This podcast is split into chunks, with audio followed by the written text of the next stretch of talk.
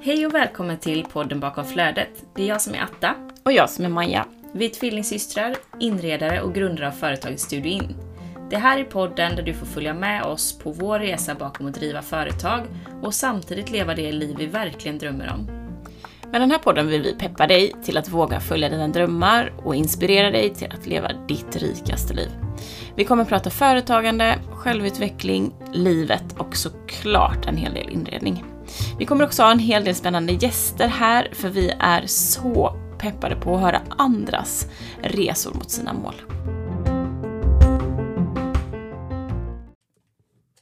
Gud vad fnissigt det har varit. Alltså flamstrams-Majorna. Ja, det var på en nivå.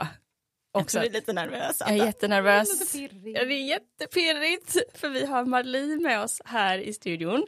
Vi äh, har bjudit in Marli Montan till dagens podd. En äh, fantastisk kvinna som jag uppenbarligen tror att jag känner, vilket jag inte gör. Gör du det Maja? Definitivt inte. Nej, men vi har följt varandra åt i flera år på Instagram främst och också haft eh, ja, men glädjen att springa på varandra i Göteborg eftersom vi är fantastiska göteborgskor mm. alla tre. Och idag har vi bjudit in Marli för att vi vill prata med henne om hennes ja, men kunskaper inom coachning, human design, inner dance. Um, ja, men alltså, det finns så mycket att grotta i här. Eh, det är en kvinna av många, liksom, vad ska man säga? Mångbottnad. Mångbottnad, precis det jag ville säga. Ja, så välkommen Marie. Tack, tack, tack. Så glad att vara här. Det känns Vi otroligt. Otroligt peppade på att ha det här. Hur mår du idag? Jag mår bra. Jag är eh, jättetaggad på att vara här och lämna min grotta höll jag på att säga. Jag jobbar ju hemifrån så jag är inte ute så ofta. Så nu jag bara woho! Det känns jättekul att få sitta här med er och ja, dela det jag gör och titta lite på eran design. Och, nej, det känns jättespännande. Ja, det är otroligt. Vi hade ju ett eh, event för ja, ett par veckor sedan där du var, var med.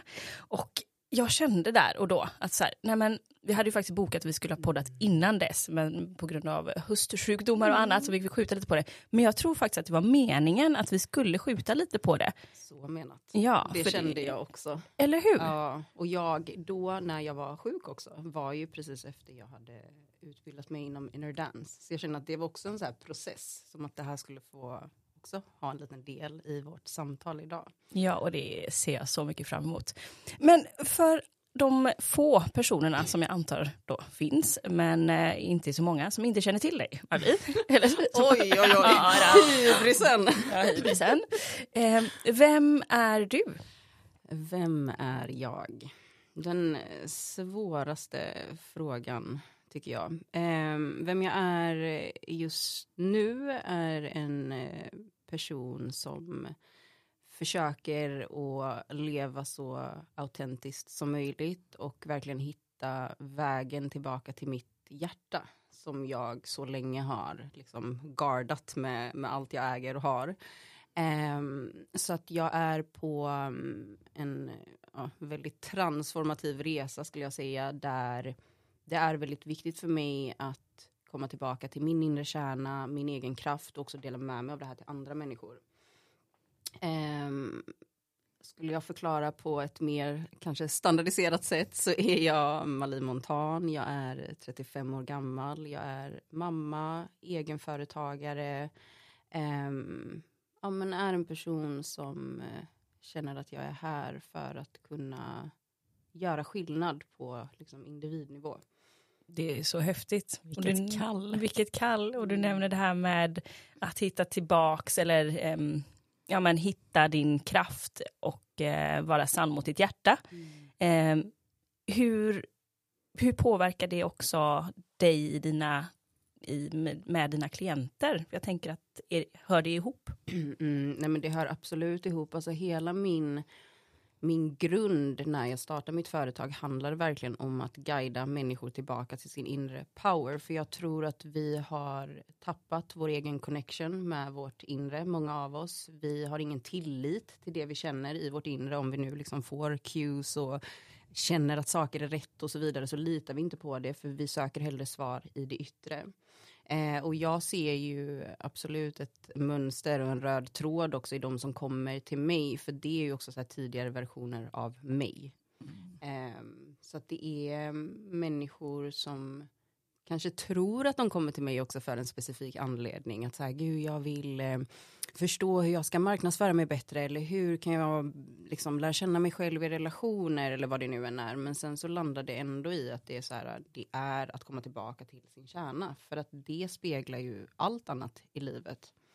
Är inte det häftigt att det känns som att de flesta personerna som vi har pratat med, alltså både här i podden men också runt omkring oss, att vi är väldigt nyfikna alltid på de personer som delar med sig av sin egen resa för att också hjälpa andra. Mm. Att det är, det är nästan alltid en direkt spegling av de personerna de möter och att det är liksom ett utbyte hela tiden. Jag vet inte hur du känner när du får eh, en klient. Hur, hur påverkar den klientens liksom, situation och eh, utveckling din egen utveckling? Alltså jag, jag tänker att alla är ju på sina individuella resor och jag lär ju mig också i kombination med varje klient för att även om jag har liksom program som så här där man kan coachas hos mig i 11 veckor eller fyra veckor och det finns absolut ramar i det här men så är ju varje persons resa individuell. Så jag måste ju utgå från vart den personen är just där och då och guida i det och jag känner ju att det öppnar upp så mycket i mig också baserat på vad den här personen speglar tillbaka till mig. Så det är ju ett samspel och när man kan landa i vem man själv är och hur man själv fungerar, då kan man också möta andra människor på ett helt annat sätt. För många kan ju också bli så här lyriska, till exempel om vi ska prata om human design eller astrologi eller vad det nu än är, att man vill liksom ha koll på allas kartor. Men egentligen spelar inte det så stor roll, för om du har koll på dig själv så vet du ju hur du fungerar i relation till andra. Det är fräckt. Mm. Så det, ja, jag vet inte ens om jag svarade på jo, frågan. det tycker jag. Men, ja. Du är godkänd. Vad bra. ja. Men låt oss eh, hoppa tillbaks några steg och eh, låta dig berätta om hur du kom in på coachning och mm. varför human design liksom blev en del av mm. din lära. Ja, Um, alltså min eh, resa um, till att ha startat eget och snubblat över human design är ju väldigt, väldigt, väldigt lång. Uh, och det är så många parametrar som har lett mig till det.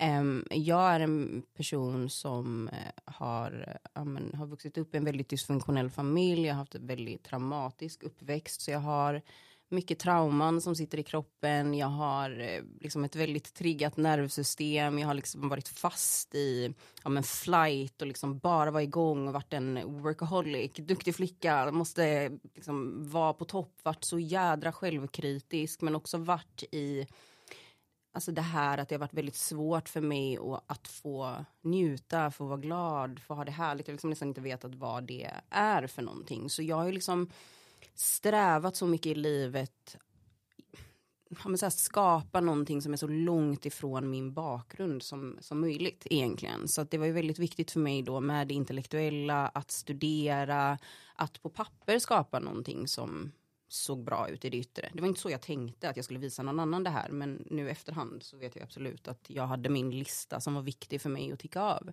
Så att eh, innan jag startade eget så har jag en karriär bakom mig som projektledare inom marknadsföring och jag var liksom jag var bra på det jag gjorde och folk såg mig i det och jag levde ett liv tillsammans med min dotter och hennes pappa och allt var jättefint men jag var inte glad. Och jag var så här, sökte efter någonting hela tiden i det yttre och jag kände absolut i mig själv vad jag var bra på, vad som var min naturlighet. Men jag såg liksom inte hur jag skulle ta steget och göra de här sakerna. Jag bara, gud kan folk jobba med det? Jag var så här, jag ser människor, jag förstår människor, jag kan plocka fram saker i människor. Hur jobbar jag med det? Eh, men sen 2020 oktober var jag så sönderstressad, utarbetad, också då min dotter var ganska liten då, liksom trött, slutkörd mamma eh, och sa upp mig från en dag till en annan. Eh, och det var inte så att jag inte hade tänkt på att säga upp mig, absolut. Men jag hade inte landat i att jag skulle göra det. Men det bara kom. Jag var så här, jag säger upp mig, och i samma veva blev jag också sjukskriven.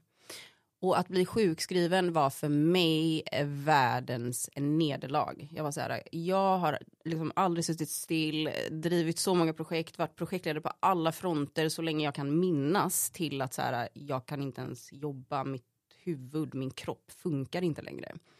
Det var en käftsmäll som jag absolut behövde, för jag tror inte att jag hade gjort det jag gör just nu om jag inte hade hamnat där. Men eh, det var tufft. Men i det här då, när jag låg där och grät i olika liksom, positioner och var i den här stillheten och skulle liksom möta mig själv i den här tystnaden för kanske första gången så kände jag också så här, men alltså varför gör vi så här mot oss själva? Alltså jag är inte ensam i att vara i den här situationen och det är också väldigt synd att det ska behöva gå så långt. Alltså varför kan vi inte fånga upp oss själva innan och lyssna och hur mår jag, vad längtar jag efter egentligen?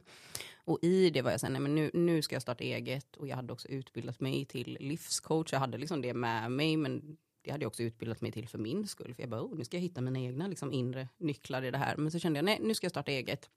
Livrädd, absolut, men ja, det var också så självklart. Och då var hela grejen att så här, jag vill guida kvinnor tillbaka till sin inre power. Och när jag startade det här företaget så gick det kanske fyra veckor, fem veckor och så snubblade jag över human design. Och jag var så här, jag hade koll, eller koll ska jag verkligen inte säga, men jag hade hört talas om human design innan, men då intresserade det inte mig. Jag var så gud vad är det här för karta med massa kanaler och massa grejer. Jag bara, det här har jag ingen tid för. Men nu, divine timing, så bara kändes det helt magiskt. Så jag började ju applicera det i mitt eget liv, liksom delade med mig till familj, vänner, tills jag bara, men transformativ coachning utifrån ens human design är ju helt magiskt och på den vägen är det. Wow, mm, så häftigt. Mm. Hur började du sen liksom bygga upp, alltså tog du tid liksom ifrån att jobba när du blev sjukskriven för att liksom landa i det här eller började du direkt och coacha? Alltså jag, det? jag var ju sjukskriven i tre månader och det var också de längsta tre månaderna, alltså du vet jag var så här, från att aldrig ha suttit still typ, till de här tre månaderna och jag var ju också i ett läge då känner jag ju nu att så här, när min sjukskrivning går ut första januari, då är jag fit for fight igen. Liksom. Så funkar det ju inte riktigt, men det var ju det jag var i då. Så jag planerar ju, liksom satt med det här och mycket handlade om mig. Det var inte så att jag bara, gud nu ska jag skapa massa program mot människor, utan jag var så här, vilka nycklar är viktiga för mig just nu? Vad är det som har fått mig att landa? Vad är det som har öppnat upp för att jag ska kunna se saker på ett nytt sätt och så vidare. Och sen började jag liksom dela det. Och sen är det också intressant att titta på min resa eftersom jag har marknadsföring med mig till exempel och när jag startade mitt företag så var jag ju väldigt så här okej okay, det här måste låta på ett visst sätt, det här måste tala till människor på det här sättet. Det handlar om varumärkeskännedom, jag måste vara aktiv på det här sättet, folk måste känna igen mitt brand, bla bla bla bla bla, bla som också var, det var inte jag. Så att jag kommunicerade ju också på ett helt annat sätt när jag startade versus vad jag gör nu. Men ehm, ja, jag började efter de här tre månaderna egentligen dela med mig och började prata med, med folk som jag kände och bara så här, kände du någon som hade velat ja, men coachas? Eh, och på den vägen var det, så jag gjorde liksom, hade som så här, men kom till mig och så får du tre samtal, om du rekommenderar det här vidare så får du rabatt på det här. Så jag hade så här liksom små kedjor av folk som ändå var så nyfikna på, men vad är det här? Och det var väl kanske inte jättemånga som hade en coach då heller 2021. Inte för att det, alltså fortfarande är det väldigt privilegierat att kunna ha en coach. Men eh, det är också många som är så här, vad, vad, är det och vad är skillnaden på att gå till en coach eller gå i terapi och så vidare. Så jag kände också att jag i mitt community, eller man ska säga, också var en del av att så här, varför behöver vi det här? Mm. Så att, eh, ja. Vad tror du är den liksom, största anledningen till att man dras till dig och human design? Um, jag tror att den största anledningen till att man dras just till mig är väldigt personlig eh, och handlar om alltså, min energi och vad jag sänder ut och hur man kan känna en connection till mig och min historia. Um, för att jag är väldigt, eh, jag tänkte säga jag är väldigt öppen, det är jag kanske inte alls alltid, men jag försöker ändå dela med mig av det som jag känner mig okej okay med att dela med mig av utan att kanske grotta ner för mycket på djupet och det gör sån skillnad för människor som jag kanske inte ens inser. För det är ofta inte att jag delar saker för att så här, åh nu vill jag inspirera någon som ska känna sig dragen till mig, utan ofta delar jag saker som jag själv behöver höra. Och då blir det liksom ofta en så direkt connection till folk som bara, ah gud, här är någon som ser mig. Mm. Alltså det finns ju någonting i det där utbytet och det, mm. det är väl återigen lite den här speglingen, att det är någonting som klickar i en mm. när man kan känna antingen äh, en igenkänning eller någon typ av att jag tänker att du besitter någonting mm. som jag längtar efter mm. att ta fram i mig själv. Mm. Eh, de gångerna, att det, att det då verkligen så här klickar i. Mm. Att det finns ett sug. Verkligen. Och sen mm. tror jag också att autenticitet och verkligen inte sitta här på någon hög häst och säga att jag är autentisk alltid. Absolut inte. Men när människor är autentiska och lever så nära sin kärna eller sin sanning som, som man kan så är det också någonting som attraherar. Alltså när människor är sig själva så är det som att det spiller över. De behöver inte säga det, här går jag och är mig själv. men det känns liksom mm. som man bara, åh, gud, den här personen vill jag vara nära. Eller här inspireras jag. Ja, men jag det, ja, det är väl oftast att man verkligen känner så här att det inte finns något dolt. Mm. Alltså det är klart att man inte delar allt, Nej. men att man ändå kan känna att jag vet lite vad jag får. För det mm. känns, alltså jag kan känna en trygghet med sådana som inte behöver sätta upp eh, mm. skydd eller som försöker vara någon annan än mm. vad de är. Det känns som att man snabbt kan läsa av det även om man inte tänker på det. Så är det någon vibration som bara säger, nej men det här, mm. jag vet inte. Mm. Men är någon autentisk och så känns det oftast väldigt mycket enklare att bara så här, Mm. sätta sig bredvid och så liksom flyta med. För att det är läskigt när man inte känner vad det är, mm. vad det är som döljs, mm. tror jag. Verkligen, och vi är ju också om vi pratar om det här men, att allt är energi så är vi också dragna till olika människor av olika anledningar och det så känner jag ju också i mitt företag. Det är ju klart att alla inte vill komma till mig. För att alla har ju sina personer som man känner en, en koppling till och som man vill ska guida en eller coacha. Så att det, mm, ja.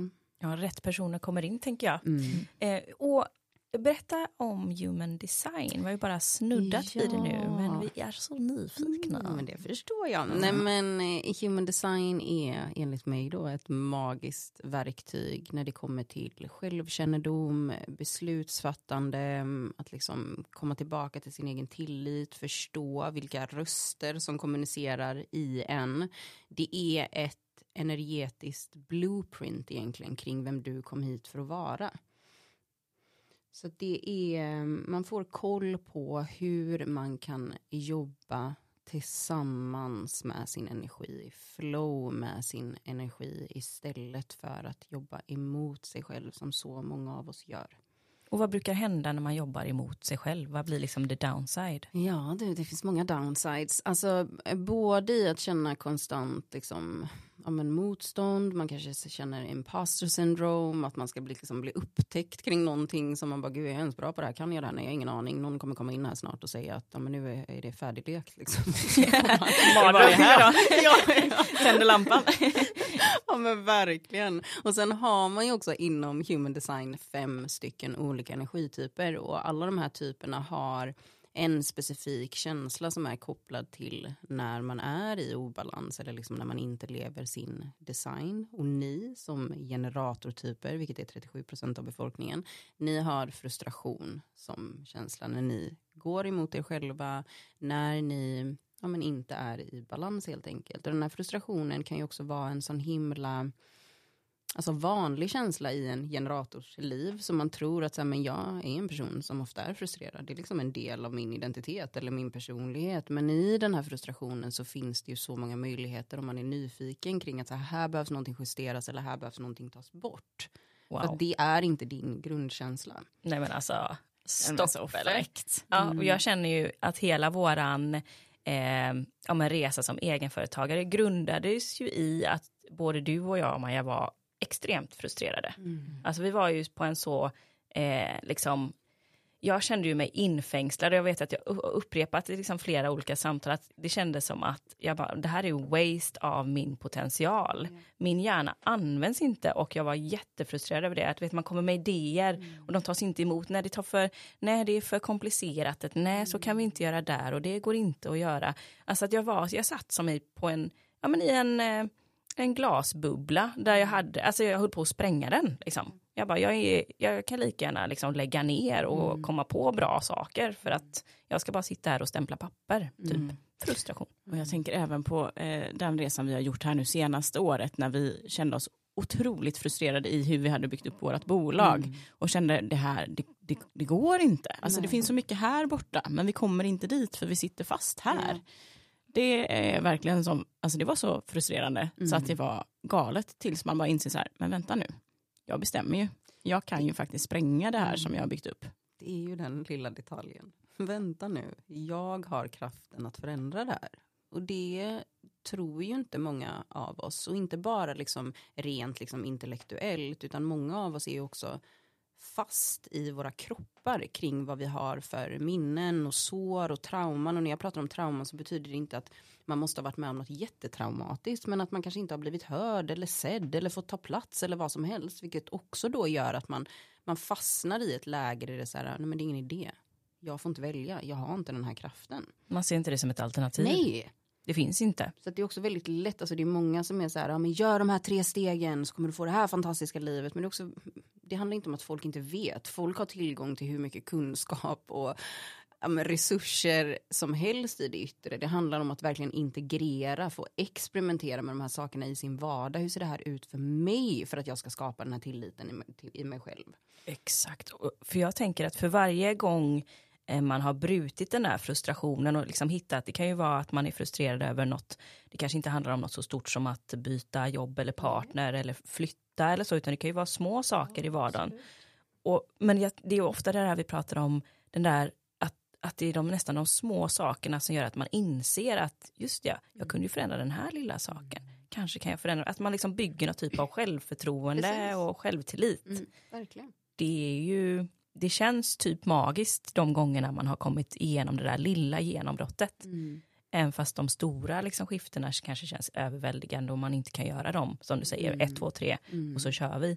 Men du vet, det finns alltid något sådär litet om man också är nyfiken på sig själv. Verkligen, det finns alltid någonstans man, man kan börja. Men sen är det också att det är ju många aspekter som också premieras i vårt samhälle. Att vi ska liksom vara hårt arbetande och vi ska ja, men typ göra avkall på oss själva för att ja, men leva upp till det här idealet som råder till exempel. Också som kvinnor, att man ska vara projektledare på alla fronter och man ska bara lösa och rodda hela jädra tiden. Och det är också någonting som om man liksom får en klapp på axeln för att man gör. Så om man då kanske säger ifrån eller typ så här, nej men jag vill inte göra det där eller jag tycker inte det här är kul längre eller vad det nu än är. Så det är också väldigt mycket i det yttre som kan slå tillbaka.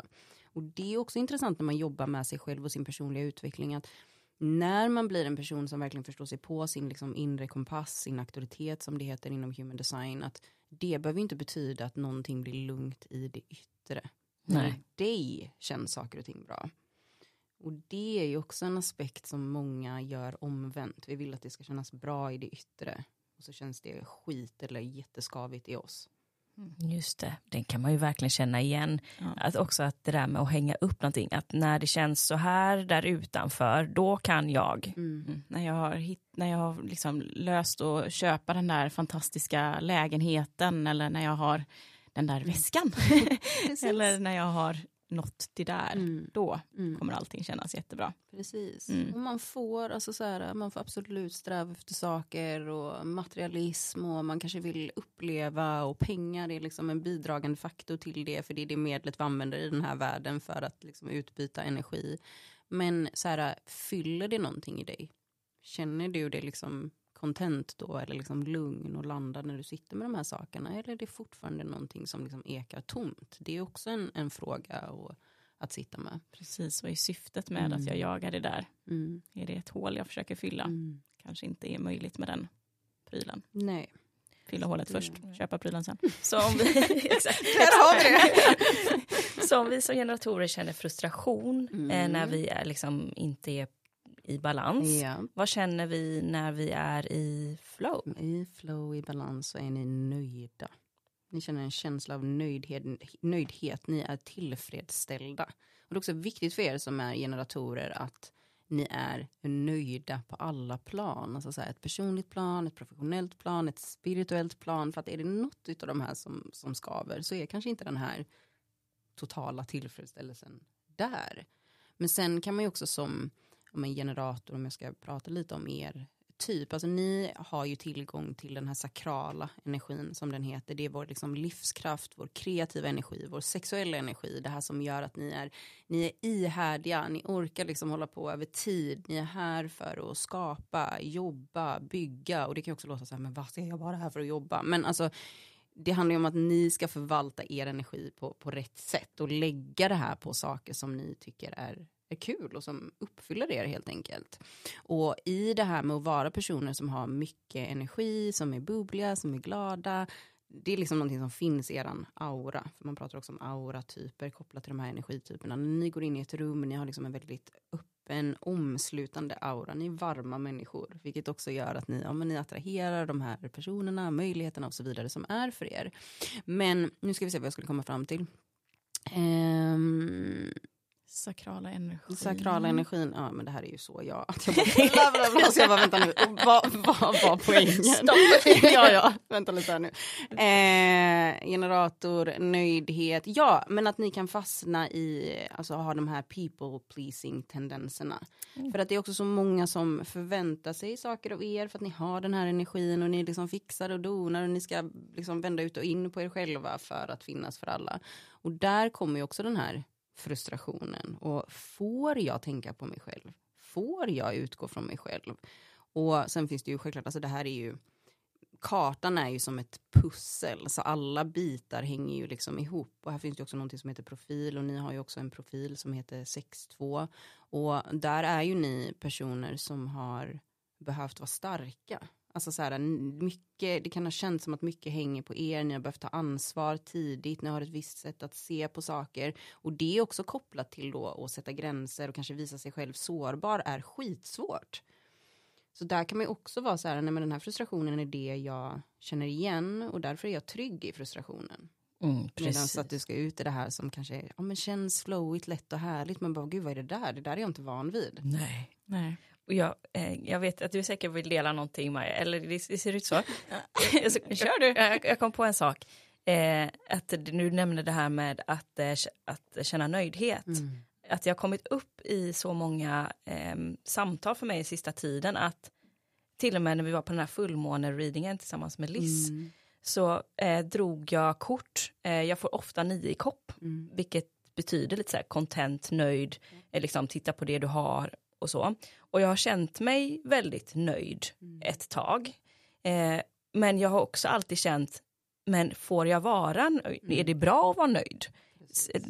Släcker jag min eld då? Mm. Att jag bara sätter mig ner och blir fat and lazy? Mm. Eh, så jag vet att jag frågade Lisba, men så här, jo, jag, jag, känner mig väldigt nöjd, men får jag vara, ska, är det en bra sak? Mm. Och hon bara, det kan ju du faktiskt bestämma själv. Precis, precis. det är ju det här, för då är det återigen en bekräftelse i det yttre. Mm. Får jag känna så här? Får jag stanna i det? Och att vara nöjd betyder ju inte att man behöver stanna upp i någonting, för det finns ju fortfarande ett driv i dig att få vara fokuserad, få liksom väcka visioner till liv. Alltså ni har så mycket kreativitet i er karta. Alltså det kreativa uttrycket, att vara en röst för det kreativa uttrycket, att kunna fokusera, skapa era drömmar, vara inspiration. Alltså det finns i den energin som flödar i er. Så att skulle du bara, ja men nu är jag nöjd, nu behöver jag inte göra någonting mer, så hade du inte varit nöjd över tid. För att du hade fortfarande behövt vara i den här rörelsen. Mm. Men skillnaden är att man kan njuta och känna sig nöjd under tiden. Ja, nej, men alltså, verkligen. Och sen är det också så här, jag tänker att det är också en fråga om att så här, själviskhet nästan. Att så här, har jag prioriterat mig själv för mycket nu, för nu känner jag mig nöjd och nu lägger jag tid på de här sakerna, får jag göra det? För det är också en grej att vi nästan inte tror att vi får fokusera på oss själva och att vi får må så bra som möjligt. Nej, det är väldigt spännande. Ja.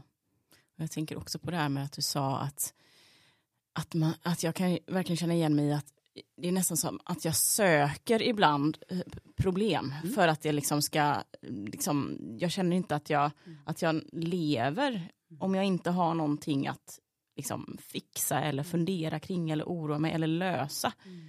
Utan att istället så här, det hade ju varit så himla skönt att känna att så här, men det är okej. Mm. Att det inte är så mycket problem eller saker att lösa eller att det brinner överallt och att jag måste liksom, ah, lösa tusen saker. Jag kanske det kanske är jättebra. Mm. Det kanske är helt okej att det är lite lugnt Mm. också.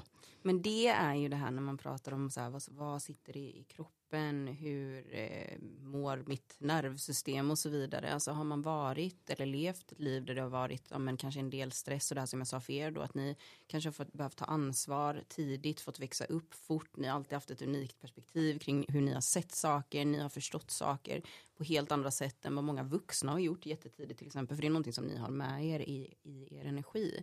Och det här gör ju också att ni många gånger ser potential. Ni ser hur saker hade kunnat vara. Så här, hur hade personer kunnat förändra på sig för att ja, men må bättre eller hur hade den här miljön kunnat vara bättre för ja, vad det nu än är. Men i det så finns det ju också ehm, en besvikelse. När man alltid ser hur saker hade kunnat vara så är det lätt att bli besviken. Och att vara då, eller ha vuxit upp i den känslan av att jag behöver gå först, jag behöver liksom vara en förebild, jag behöver vara stark för andra, men också se den här då besvikelsen kanske i det yttre. Det kan ju vara någonting som ni är väldigt vana vid. Och då är ju det någonting som era kroppar känner sig trygga i. Även om det är någonting som är så här, men gud jag vill inte vara i den här känslan. Så finns det ändå en trygghet i den känslan. Och det är ju, alltså när vi pratar om våra programmeringar och våra mönster, det ser man ju så tydligt i relationer till exempel. Folk som är i destruktiva relationer och bara, gud jag måste lämna den här relationen. Och så gör de det och så säger de, jag ska aldrig träffa en person som är på det här sättet. Så träffar de en person och så är personen på det sättet. För att det, i det finns det en trygghet. Innan man har förstått hur man kan liksom, ja, men möta sig själv i det. Så är man inte men helt hemma i det här lugna, jag behöver inte lösa, jag får luta mig tillbaka, jag får andas ut, så är man ju liksom på helspänn egentligen hela Så tiden. stissig. Mm, ja, och sen har ju ni eran karta, om vi liksom ska prata om eran design, så är ju ni öppna, vita i, jag ska bara ta fram bilden här. Ehm, har ni sett er karta? Ja, ni har ju sett er karta. Jag har sett den en gång. Ja, nej, Men jag är också alltid lika förvirrad. Ja. Jag fattar. Nej, men man tittar, alltså det man får upp när man tar fram sin design. Och det här kan alla göra om ni liksom är nyfikna på ah, men hur ser min design ut, den här kartan. Då kan man gå in på exempelvis jovianarchive.com. Där behöver man då skriva in eh, när man är född, alltså år, månad, dag, vilken tid och i vilken stad för att det ska bli rätt tidszon och så vidare. Då kommer det genereras en karta för er som ser ut liksom som en halvkropp med olika geometriska former och färger och så vidare. Ni behöver inte kunna läsa av den här kartan men där står det liksom, ja, men, vilken typ är du och så vidare. Men det jag ser då i den här kartan är att man kan titta på vad är det som är färgat, vad är det som är definierat, vad ger det er för egenskaper och också vad är det som är vitt. Och det som är vitt är odefinierat och det är där vi tar in energi från vår omvärld. Det är där vi har en tendens att vara mer flexibla, också där vi går vilse oftast för vi tror att vi saknar någonting. Här behöver vi fylla på eller bli bättre eller jaga någonting. Men det vi egentligen är här för genom de vita centren är ju att bli väldigt visa kring hur man kan ja, men kultivera och liksom lära sig av den här energin. För ni har inte ett stabilt sätt att använda den energin på. Och ni då som är vita i, i er krona och er ajna, det är de här två geometriska formerna i huvudet. Ni kan ju känna er väldigt pressade kring att känna er inspirerade, kring att ha svar på alla frågor, kring att lösa alla saker. Och det är ju liksom en mental energimässig stress. Så ni kan ju också sitta liksom vid slutet av veckan och bara gud varför hänger alltid allting på mig? Varför är det alltid jag som ska lösa allting? Varför ska jag alltid ha svar på alla grejer? Men det är kanske inte ens någon som har bett er att ha svar på saker. Men det känns så energimässigt och att det är det man vill agera på. Och är man då i, i obalans energimässigt så kan det ju vara så att allt som som ni tar in utifrån liksom tankemässigt känner ni att nej men jag måste lösa det här. Nu går mina tankar åt 70 olika håll för jag måste vara överallt och jag måste liksom knyta ihop den här säcken. Versus när ni är i balans så älskar ni att känna er inspirerade men då vet ni också var någonstans ni vill lägga den här inspirationen. Och bara förstå det att så här, vi tänker så extremt många tankar varje dag och de flesta av våra tankar är repetitiva och de är också oftast negativa. Om man är öppen så som ni är så är det jätteviktigt att stanna upp ibland och bara antingen säga högt vad ni tänker på eller faktiskt skriva ner och titta på den här listan och bara är det här mina saker att lösa? Nej, det kanske det inte är. Och bara släppa för man kan känna sig alltså myrornas krig i, i huvudet med den här öppenheten. Det kan stöka runt där uppe. Det Ja. kan stöka runt. Jag hade ett sånt samtal senast igår med, eh, med Anna, eh, vår agent. Jag gillar inte att säga agent, för det låter som att hon kommer i en sån trenchcoat. Exakt typ jag tänkte. eh, Man ser henne med en sån, bilden jag Ja. fick. ett Vad litet plommonstop på Ja, huvudet. nej men det är liksom inte alls Anna, våran, våran Manager. manager kan vi säga, oh, fräckare, som Oh, en Hollywood. cool. Ja, ja, ja, ja. När hon sa till mig gällande ett ärende som jag sms och mejlade henne om, som jag tyckte var lite så här besvärligt. Mm. Och sa, men vet du vad Atta, det här är ju precis sånt här du ska släppa till mig. Ja. Du ska inte hålla på med och lägga, nu har du lagt energi på det här fastän du inte ska lägga energi på det här. Snälla släpp det till mig bara. Och jag har så svårt. För att jag känner så här, dels, jag vill inte lägga det på henne. Dels att jag känner att så här, ja, men det är ju jag som är, det är jag som är liksom mottagare av det här problemet. Jag måste ju visa för den, den, den avsändaren att jag bryr mig, att jag har ett svar, att jag inte är arrogant, Att jag vill lösa. att jag vill lösa. Mm. Kan jag säga nej? Kan jag sätta en gräns? Och får jag, eller får jag ens lämna bort att någon annan Mm. får sätta min gräns? Mm. Nej, men det är jätteovant. Men det är också en känsla i, i dig som är ovan. För det spelar egentligen ingen roll om den här personen då, du mejlar den och de känner att så, åh gud Atta, hon är, hon är fin. Det är fortfarande, det är liksom, men, ja, ja, för det är fortfarande känslan i dig. Du Ja. kan ju inte påverka hur den människan reagerar eller vad som väcks i den andra personen. Nej. Och där är ju ni också eftersom ni har odefinierade vita solarplexus, vilket Toppen. är, är vårt eh, emotionella center. Så ni är ju alltså, mood managers. Alltså det ska vara härligt, hur mår alla, hur är stämningen? Ja, men gud, här var lite tryckt stämning. Då drar jag ett skämt, fan vad kul, alla bra nu? Nej men alltså verkligen, och det är också så här, och det är en fin egenskap. Men det är också tungt. Ja, För att det är inte ert ansvar hur Nej. alla reagerar i alla situationer. nej. Och det är också någonting att Alltså det har ju ni haft med er hela livet att ni är känsliga kring vad ni tar in, vad känner ni av känslomässigt, hur kan jag vara tio steg före här så jag liksom redan vet hur alla mår och så jag kan navigera så att det blir lugnt och stilla. Man kan liksom nästan bli beroende av att känna de här härliga känslorna för man vill bara ha det bekvämt. Men man gör det oftast på bekostnad av sig själv. För det är lättare, återigen, att göra det bekvämt i det yttre än att sitta med sig själv. Och sen är det också när man har en öppenhet där det kan vara svårt att veta vad som är ditt. Vad känner jag när jag faktiskt känner någonting? För hela livet har ju ni liksom tagit in känslor utifrån och det man gör när man tar in är också att man förstärker. Så ni kanske känner av någon annan att bara, men gud den där personen är ju skitledsen. Den personen kanske är lite ledsen. Men ni har också förstärkt det här. Så ni går ju in i den här känslan och kanske går runt med den själva. Ja, och den spiller ut över eran dag och den där personen liksom, kanske inte ens är märkbart för Mm. den. nej. Och det är därför jag inte tittar på hemska serier och sånt. nej men det går inte. Nej men det är som, det, det kan, ja men människor fastnar ju hos, nu Extremt. säger jag oss, men eh, jag tror jag känner det så pass väl. Så det känns som att så här, ett möte på någon på stan som man möter som du säger, som har, så här, kanske gråter eller något. Jag vet inte hur många gånger vi sitter i bil. G- Grät i barnet? Mm. Gick hon själv eller? Var är hon på väg? Vad har hänt där tror du? Och så, så är man igång och hon kan ju dyka upp liksom flera timmar senare. Att man bara, skulle vi stannat bilen, skulle vi gått ut och liksom bara frågat. Alltså den här konstanta Ja. jakten på att veta vad någon annan känner också. Ja, Mm. så här kunde jag hjälpt till. Ja. Mm. Men också så här att det dyker upp väldigt mycket vargtimme i, efter möten med människor för Mm. att sen försöka tolka Mm. om det fanns någonting här Mm. som jag inte riktigt redde ut eller fick koll på. Var Mm. den sur för att jag råkade säga sådär eller ah, det är mycket med det Mm. hela att känna in andra människor och ta med sig dem hela vägen in i sängen faktiskt. Nej men alltså verkligen, och det, alltså fatta hur mycket energi det tar av er att bära, bära alla människor egentligen. Som att det är ert ansvar. Och nu menar jag inte att man ska vara liksom så här skygglapparna på, jag bryr mig inte om någon, alltså absolut inte. Men att kunna känna in, vad är anledningen till att jag känner mig liksom dragen till att hjälpa den här personen? Eller vad väcktes i mig på grund av det här?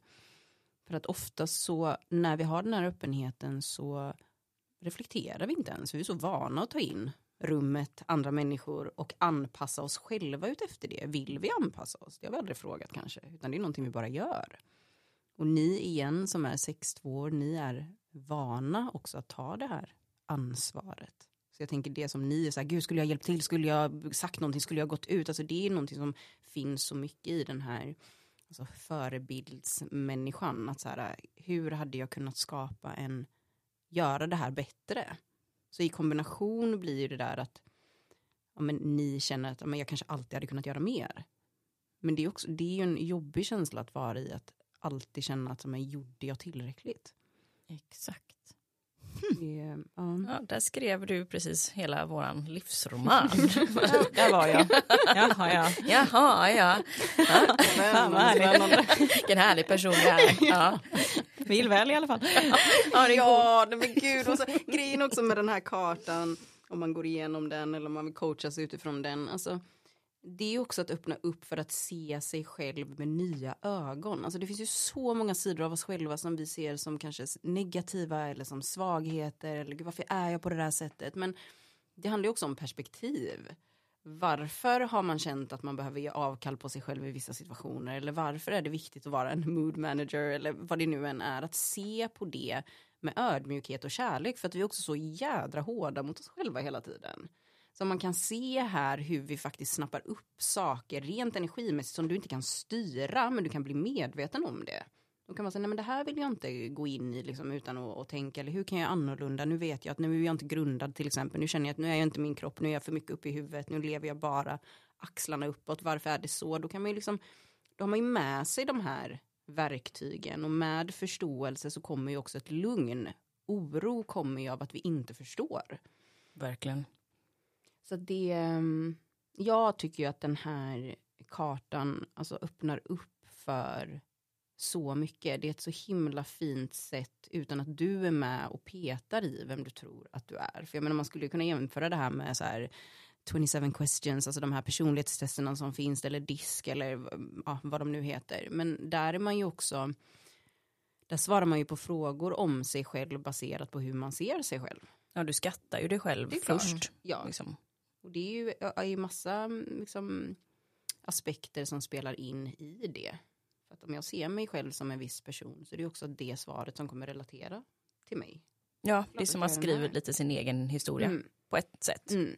Så att det här, eh, nej jag tycker det är jättespännande om man är liksom, ja, men nyfiken på att förstå sitt naturliga flöde. Vad man har för styrkor och sårbarheter och hur man tar beslut. Det kan vi ju titta Ja, men på berätta. Mm. Ja, alltså ni är då personer, låter så konstigt att säga ni, att jag verkligen buntar upp här. Ja, ihop er. Ja, ja men, No offense. men jag vill ändå säga det om det är någon som undrar så här, okej men här är två personer som är tvillingar, är de exakt likadana då enligt den här human design-kartan? Ehm, och ja, på ytan så är de likadana i vad de är för energityp, profil, vad de har för auktoritet och så vidare. Men den här kartan är också oerhört komplex och det finns väldigt många lager i substrukturen skulle man kunna säga. Så bakom varje gate som är de här egenskaperna som man har med sig så finns en profillinje. Bakom den här profillinjen så finns någonting som heter färg, sen finns någonting som heter ton och sen finns någonting som heter bas. Och den här basen den ändras liksom på sekundnivå. Så att där är ni olika. Om man skulle ta fram den typen då och se vad har ni för bas. Det finns fem stycken olika. Och det här har ju med att göra att ni har ju olika skäl, Alltså ni är två olika individer. Sen då om vi tittar på kartan och tittar på vad är definierat, vad är inte definierat, vad har ni för styrkor. Så upplever man ju också och tar in sin omvärld på olika sätt. Så jag menar någon kan ju vara i en hög frekvens eller någon kan vara i en lägre frekvens och någon kanske har snappat upp någonting på ett annat sätt medan någon är fast i att säga, nej men gud det här är jag rädd för. Så att ni är ju olika i ett uttryck och som personer ändå.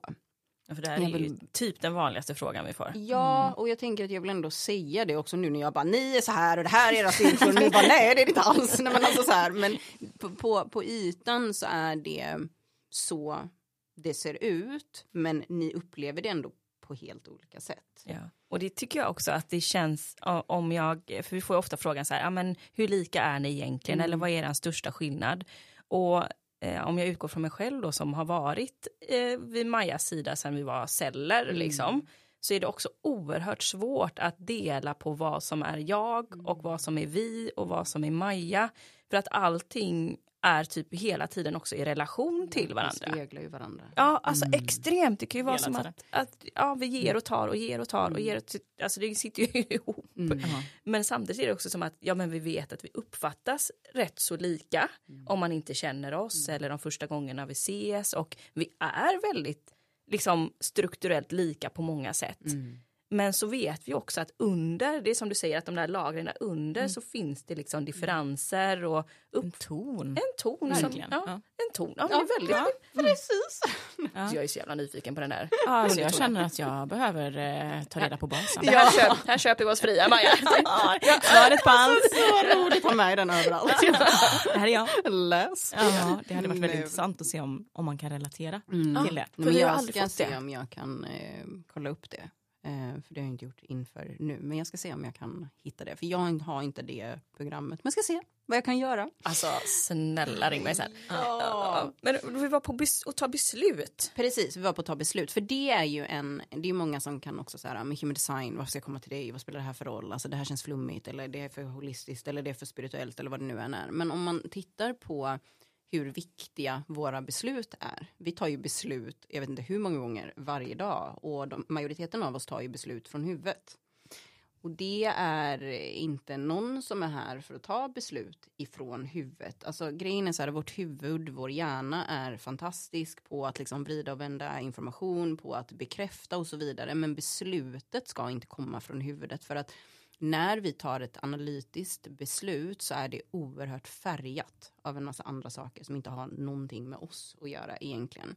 Så inom human design så pratar man om någonting som heter auktoritet och ni är då sakral auktoritet. Så det innebär att det är er magkänsla som styr er. Eh, och den här sakrala auktoriteten är också väldigt intressant för att den Alltså ni känner när det finns energi bakom era beslut. Det kan vara intressant att veta liksom, ja, men vad är skillnaden om jag har tagit ett beslut från huvudet eller lyssnat på min magkänsla. När ni har tagit ett beslut från huvudet så finns det oftast inget, ingen energi bakom det beslutet. Har ni tagit beslut från er magkänsla så är det 100% för er och det finns också energi bakom det här beslutet. Och när man är generator så har man också den här livsstrategin att respondera, att svara på saker. Ni vill ha någonting att reagera på. Och det gör ni också med er sakral. Som ni liksom eh, blir inspirerade av någonting eller någon slänger ut en fråga där ni får liksom ja, nej. Alltså det är så ni kommunicerar. Ja, nej eller ge mig valmöjligheter så jag kan känna mig mer dragen åt något håll. Och så kommunicerar ju inte alla de här typerna. Så det är liksom intressant att veta. Och den här sakralen är också kan vara kommunikativ, ni kan ha olika läten för er, att ni bara åh, när ni tycker att, alltså så här, det, fin- det finns ingen energi till det här.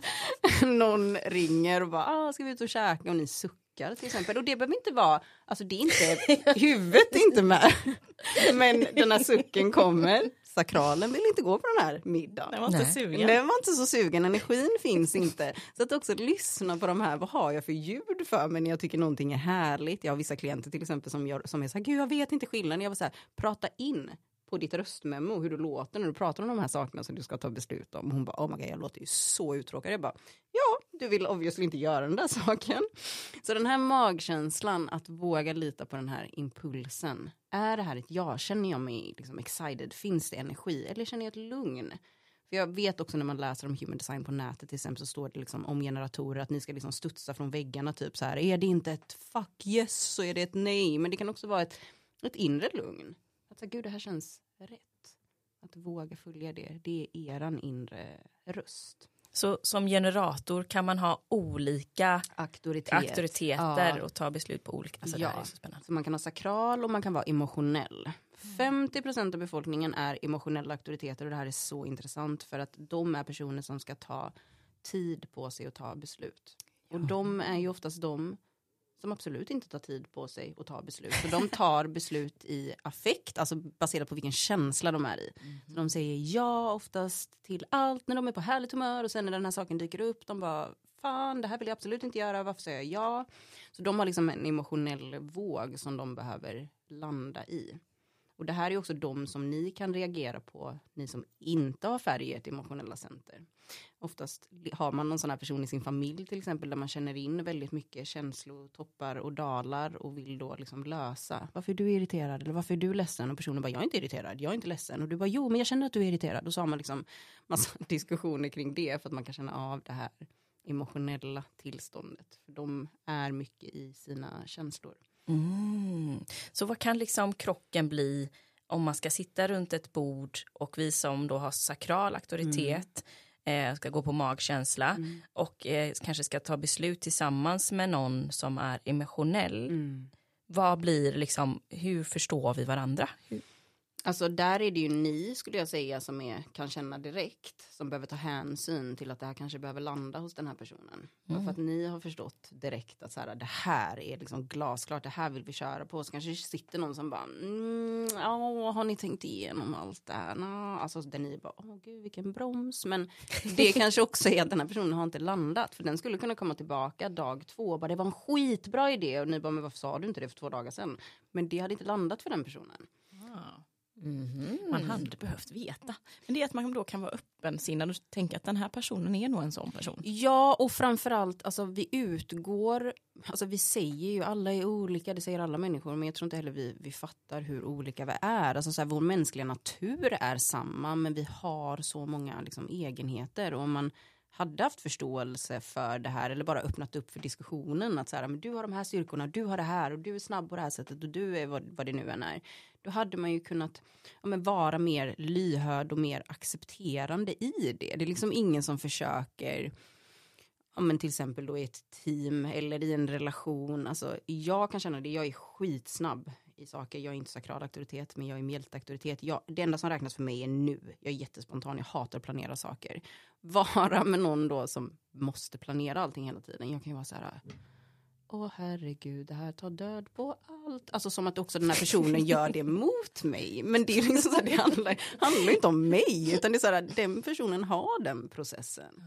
Och när jag vet det så kan jag också säga, det kan fortfarande kännas lite jobbigt i mig, absolut, men den känslan får ju jag äga, det kan inte jag lägga på någon annan. Nej. Så det, det öppnar ju upp för mer förståelse kring hur vi ger och tar. Och också det här med att ha odefinierat viljeshjärta till exempel. Nu bara slänger jag en massa termer här. Ja. Men som handlar om, eh, om en beslutsamhet, hur vi värderar oss själva, hur vi liksom motiverar oss själva. Är vi självmotiverade eller är vi inte det? Kan vi vara väldigt självkritiska? Kan vi fastna i att våra prestationer måste se ut på ett visst sätt och så vidare?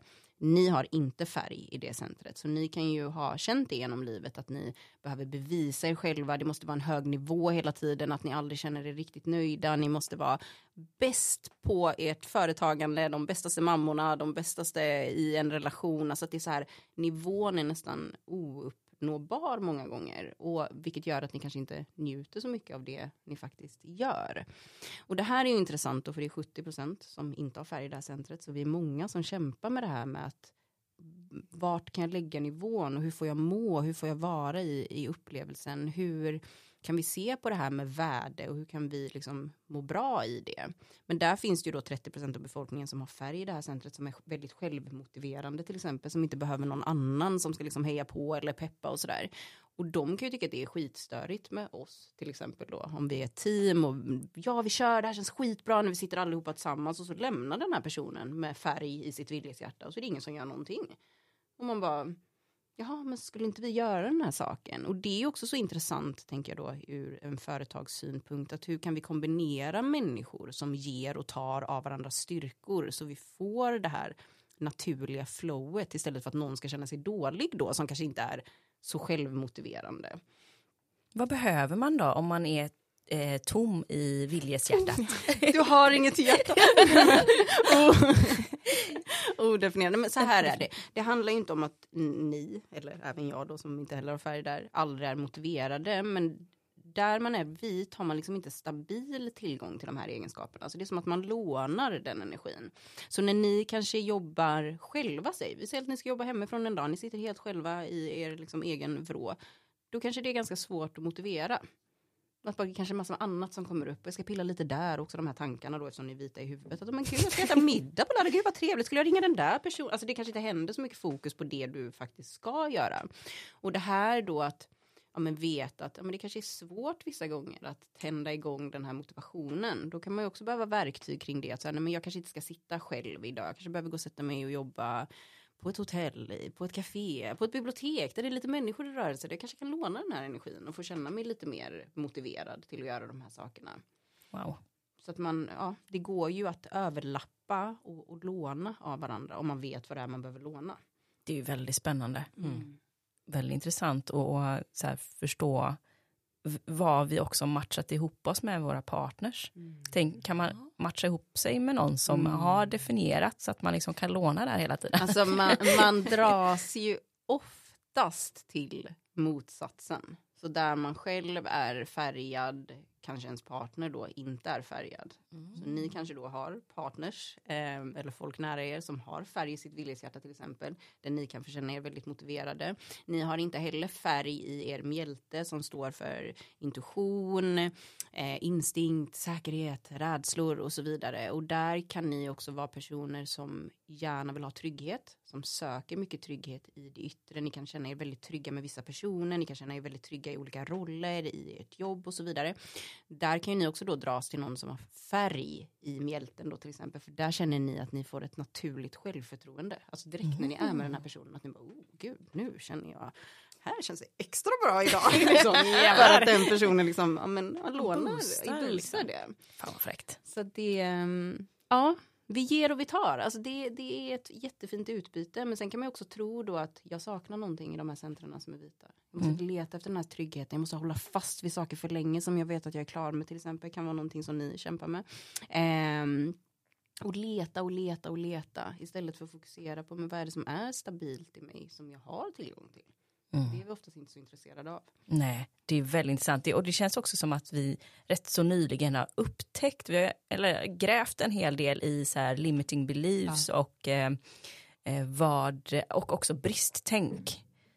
Väldigt mycket sen, senaste två åren. Ja, definitivt. Och att det finns någonting där att söka trygghet i i typ materia eller saker vi kan ta på. Så här, ja, men när jag har så här mycket pengar på kontot till exempel, då kan jag släppa ner axlarna. Så vet man vid den där gränsen, släpper ju inte ner axlarna. Nej. Känns ju inte tryggt ändå. Nej. Så att man får liksom fortsätta. Ja men det är ju det för att tryggheten är någonting i det yttre. Mm. Det är fortfarande inte att du har skapat en trygghet i dig. Nej, Så det är också det att reflektera över så här, vad betyder trygghet? För det betyder ju olika saker för olika människor och hur många saker har jag i livet då som skänker mig trygghet och när man sitter och tittar på den här listan då, för det oftast är det ju väldigt många saker. Det tror man kanske inte direkt då, speciellt inte om man har odefinierad mjälte.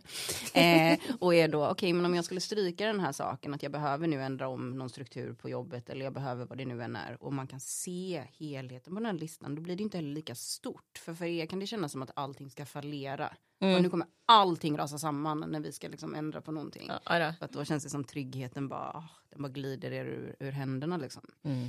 Det är ju väldigt spännande. Att vi ändå lyckades liksom gå på den stora förändringen. Mm, men det är för att ni är sextvåor. Det är inbyggt. Ja, nej, Ja. men också så här, det är ju intressant med den här profillinjen. Profillinjen är det i, inom human design, eller vår profil, är det som men närmast beskriver vår personlighet. Och sexan är ju då en role model hermit, alltså både den här som behöver kurera, dra sig tillbaka, behöver mycket egen tid, men också är den här förebilden, en naturlig ledare, också väldigt liksom social och kan liksom vara i de här olika sammanhangen. Men den här sexan är den enda profillinjen av de som finns som är indelade i tre distinkta faser ju. Så från att man är 0 till ish 30 så är man väldigt rotlös. Alltså man provar sig fram mycket, det är högt och lågt, eh, man vet kanske inte var man vill bo, man kanske inte vet exakt hur livet ska se ut, ehm, man vet kanske inte riktigt vad man är bra på, man känner sig väldigt sökande, vill klamra sig fast vid många olika saker.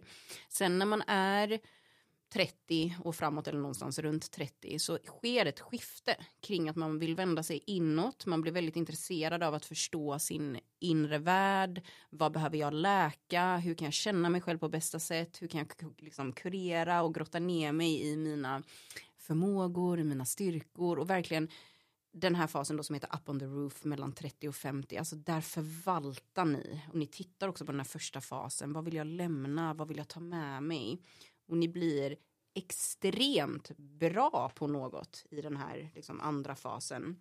Och när ni är 50 och så länge ni lever så är ni de här uttalade förebilderna. Och det här kan ju låta, så här, vad betyder det? Men det kan vara alltså, absolut i det yttre att man är en offentlig person eller att det är att människor söker sig till er för att ni är liksom ett givet namn in, inom något specifikt område och man vill ha ert liksom, perspektiv och, och er, men ert ledarskap kring det.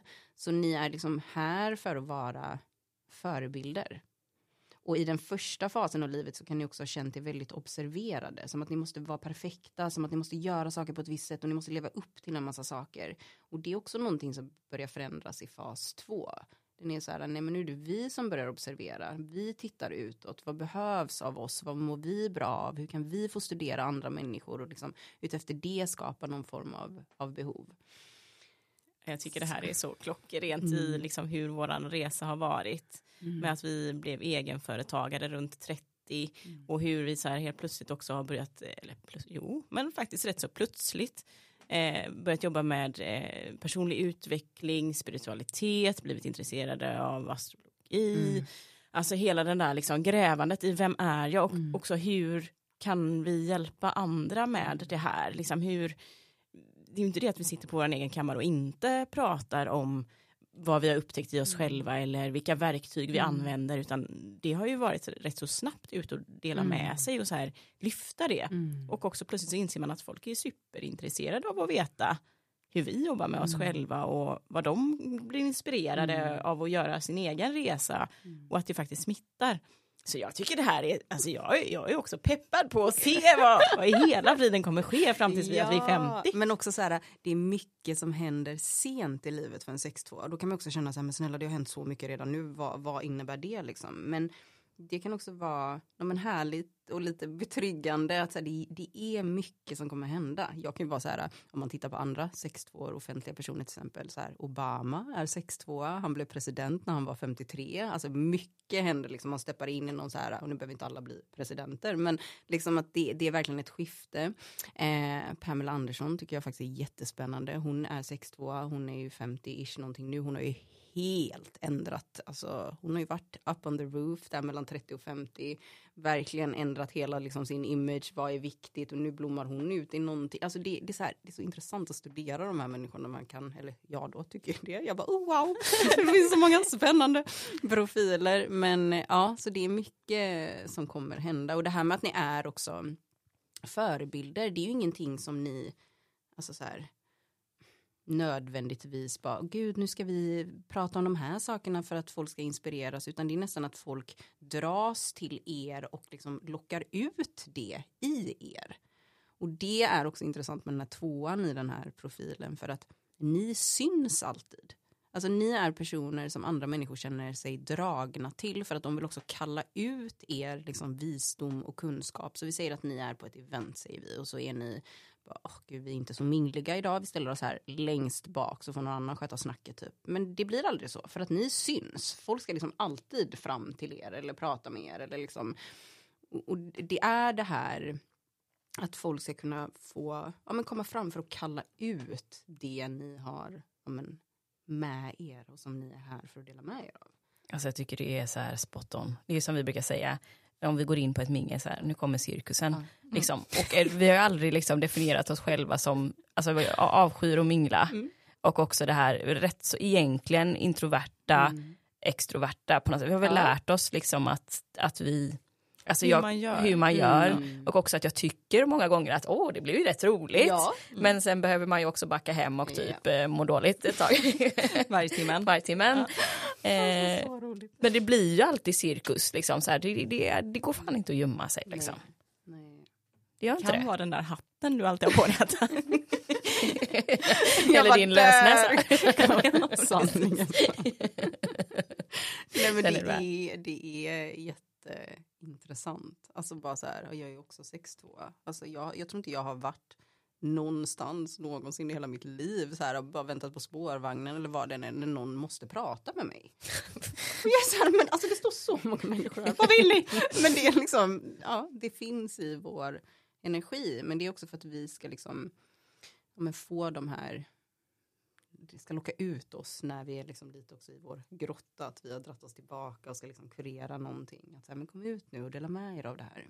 Och är det det som är liksom själva hermiten-delen? Mm. Alltså man kan ju bli hur vis som helst i sin egen grotta, mm. men det finns ju något fint också i att få, få dela. dela. Och komma ut. Ja. ja. Otroligt. För vi har ju pratat mycket nu då om våran profil ja. som generator Ska vi toucha lite snabbt in på de andra? Ja, ja. Och generator, eller så här, det finns fem stycken olika energityper. Det här med siffrorna som jag pratar om nu, det är profilen. De Mm, ja, andra ja. heter Förlåt. energityper, nej men absolut ingen fara. Dåligt. Ja, eller hur? Nej, verkligen inte. Men det finns då fem energityper. Eh, generatorn är då cirka 37 procent av befolkningen och det är de som har tillgång till den här då sakrala energin. Ni är här för att vara liksom ihärdiga, kunna liksom fokusera, göra saker över tid, men det är så viktigt att ni är exalterade, att ni känner er nöjda, att ni gör saker som uppfyller er för att ni också ska ha tillgång till den här energin. För när ni lägger den här energin på måsten, borden, det här är skittråkigt, det här kommer bara med ett ansvar, då känns det inte som att ni har någon energi. Trots att ni då har den här sakralen. Så för generatorn är det så viktigt att få följa de här små, alltså sparksen, våga liksom gå den vägen. Sen har vi den manifesterande generatorn som är cirka 33 procent av befolkningen och de har också tillgång till den här sakrala energin och är i grunden alltså likadan som eh, den originalgeneratorn men det här är en hybridtyp så det är också en typ som är väldigt snabb, kan lätt bli rastlös, som är liksom multipassionerad, de har oftast många saker igång samtidigt, kan känna sig dragen till liksom, i väldigt många olika riktningar eh, och kanske har en tendens att inte alltid avsluta saker, hoppar in i en massa som de bara wow gud det här känns skitkul och så liksom två veckor in de bara eh, fast det här kanske inte riktigt var min grej och så ja, ska de hoppa vidare och hålla på. Eh, och det är också så här att få vara i det, det är inte för alla att ha det här nu ska jag göra det här hela livet. Så att ja, det, det är väldigt intressant med de här två. Men just generatortypen har ju den här samma aura. Att ni är väldigt varma, öppna, liksom omslutande personer, vilket är liksom jättefint. Sen har vi projektorn som är cirka 20 procent av befolkningen. Jag är projektor. Det är en energityp som inte har tillgång till den här sakrala energin så att jag har ingen stabilitet i min energi. Den är väldigt liksom fluktuerande. Jag lånar energi av andra människor och det här kan ju vara väldigt svårt att förstå i ett generatorlätt samhälle för 70 procent av befolkningen är generatorer och det är ert tempo som råder. Eh, och här är det så många projektorer som går vilse och försöker pusha sig själva och de ska orka och de liksom måste göra saker på ett visst sätt som Alltså det funkar inte i längden för deras kroppar rent ut sagt. Och projektorn är här för att guida energi. Alltså de, och det kan ju också låta så här, vad betyder det? Och det kan vara att guida andra människor, det kan vara att effektivisera system, att se processer. De har väldigt lätt för att komma in och ha liksom ett fågelperspektiv i situationer och de är väldigt effektiva. Så att även om de inte har jättemycket energi kanske alltid så handlar det också om hur förvaltar du den här energin. Och om du liksom lägger de här timmarna på någonting som du tycker är kul så kan du åstadkomma lika mycket som någon annan gör kanske över jättelång tid. Så återigen, inte den här jämförelsen utan förstå hur funkar min energi och hur kan jag använda den på bästa sätt. Sen har vi manifeston som bara är 9% av befolkningen. De är här för att initiera, sätta igång saker, de är oftast innovatörer, de har en väldigt kraftfull energi, de märks när de kommer in i ett rum, de behöver liksom inte ja, men säga så mycket utan man känner en nyfikenhet och kanske en dragning till de här personerna för de känns men kraftfulla och väldigt speciella. Men de har också en aura som är avvisande. Och det här kan ju låta väldigt negativt, att bara, men gud vad betyder det? Och känner folk då att jag är jättekall när jag kommer in i rum och så vidare. Och det, är inte, det handlar inte så mycket om det, utan det handlar om att de är väldigt selektiva med vilka de släpper in. För de behöver få fritt fram i det här skapandet som de är i, liksom, när de ska men där de känner en energi-urge kring vad vill jag skapa och hur vill jag göra det här på nya sätt. Och då behöver de göra det utan att känna att de får så mycket yttre påverkan. Och sen har vi då reflektorn som bara är en procent av befolkningen. Och de är helt vita i sin karta. De har ingen färg överhuvudtaget. Och de är här för att reflektera, som man hör på namnet att de är reflektorer. De är liksom en barometer för hur, hur mår vi? Hur känns vår miljö? Hur kan vi men också så här, må så bra som möjligt och skapa ut efter våra förutsättningar och hur kan vi låta saker få, få ta tid och de är liksom, de ser verkligheten och är någonstans här för att förmedla det till oss. Hur kan vi, hur kan vi göra det här på ett sätt som är ja, men så bra som möjligt för, för alla? Jag kände direkt att det måste vara jättekämpigt att vara den enprocentaren. Ja, framförallt kämpigt i att faktiskt 99% av befolkningen absolut inte funkar som, som dem. Mm. För det är också en så här, de är väldigt långsamma i, i sina beslut. Nu är inte alla det, för alla lever ju inte ut efter sin design, men de ska vara det. För att då hinner de känna in, för de kan ändra sig väldigt liksom, mycket. För de har, deras auktoritet är eh, måncykeln faktiskt. Så att de går igenom månens alla faser egentligen för att få landa i vad som känns rätt. Och det är också en grej att så här, nej men vet du vad, jag återkommer om 28 dagar. Alltså, vem, alltså, nej men, Som generator känner vi svårt. Ja, Man bara, har ja. du inte redan känt det där ljudet? Bara, eh, nej, 28 dagar senare. Nej, så att det är, ja, att, att veta de här sakerna om varandra skapar ju också en acceptans. Jag tänker då om man är reflektor till exempel som du sa, gud det måste vara så kämpigt. Men ja, det blir ju kämpigt när man tror att man måste vara någonting som man inte är. Mm. När man tror att jag måste vara som de här alla andra som speglas hela tiden. Men du är inte som de personerna. Nej. Hur kan du få äga din energi utan att det ska kännas liksom fel eller konstigt? För det är alltid i jämförelse med någon annan. Ja. Vad är det som känns rätt i dig? Känner du någon, eh, någon enprocentare? Jag har faktiskt haft, haft den äran vill jag nästan säga. Jag har haft många klienter som är reflektorer. Wow. Och det är också så här, jag bara, av någon anledning, eh, jag vet inte, känt sig dragna till mig, vilket är jätte, jättefint. För det, jag känner ju också för min del att jag är väldigt glad att kunna dela med dem vad som är stabilt i dem. För de kan ju alltid känna att de söker någonting annars. Sen när de är helt vita vill jag säga, de har liksom en energi som samplar, liksom tar små smakprover, hur känns det här? Och de är lite också som teflon. För att hade de tagit åt sig alla intryck, allt i de här öppna centren så hade de liksom drunknat i Ja, det var lite det jag kände. Mm. Att jag bara, och också omvärlden och samhället som det känns just nu. Jag bara wow. Mm. Men det är ju Mm. många som är alltså som inte mår så bra och som kan också ha känt det ett helt liv. Att så här, gud det är någonting som är off, jag känner mig så annorlunda, jag känner mig så fel. Vad är det här? Alltså, och- och det kan ju faktiskt vara att man inte har, man har inte koll på de här sakerna. Vad är det jag ger, vad är det jag tar? Vad går jag direkt in i de här liksom, med sårbarheterna? Eh, och helt tappar mig själv. Mm. Nej men snälla. Jag tänker att det, alla borde kolla upp. Ja. Jag kände ju också så här, jag behöver ju ha ett samtal med dig typ 15 Ja. gånger i veckan. Jag vill också ha coach.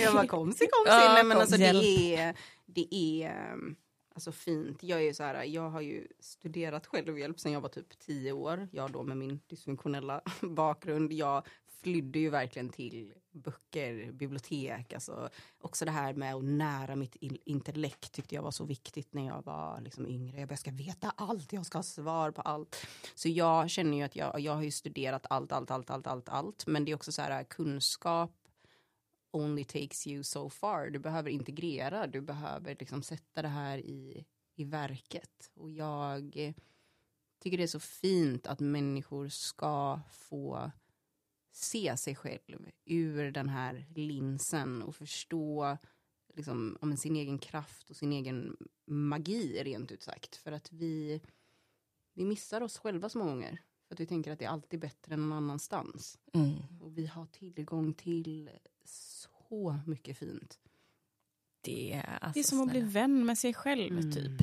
Ja, nej men det är det. Jag har varit med om så många människor som bara gråter den här, alltså för jag började ju med att hålla ja, men human design-analyser för människor och då träffade man mig online 75 minuter där jag går igenom kartan liksom. Du vet, folk bara grät och grät. Jag har haft liksom så här män som är liksom 50 plus som bara sitter och gråter. Och du vet, jag blir så här, gud vad folk är så spända i att så här, jag måste vara på ett visst sätt och jag måste göra på det här sättet, jag måste prata på det här sättet och liksom aldrig fått så här slappna av. För att mycket som man hör om sin design är ju inte heller så här rocket science. Att man bara, åh herregud, det där visste inte jag om mig själv. Utan mycket är ju, vet man ju redan. Det är ju en väldigt skön bekräftelse. Att man får känna sig sedd. Liksom utifrån så många olika perspektiv. Men sen är det ju det här också med hur börjar jag leva på det här sättet? Hur kan jag börja integrera det här i min, i min vardag? Det måste vara som release. Eller vad, hur kände du var den största liksom, vinningen för dig när du började liksom, leva efter din...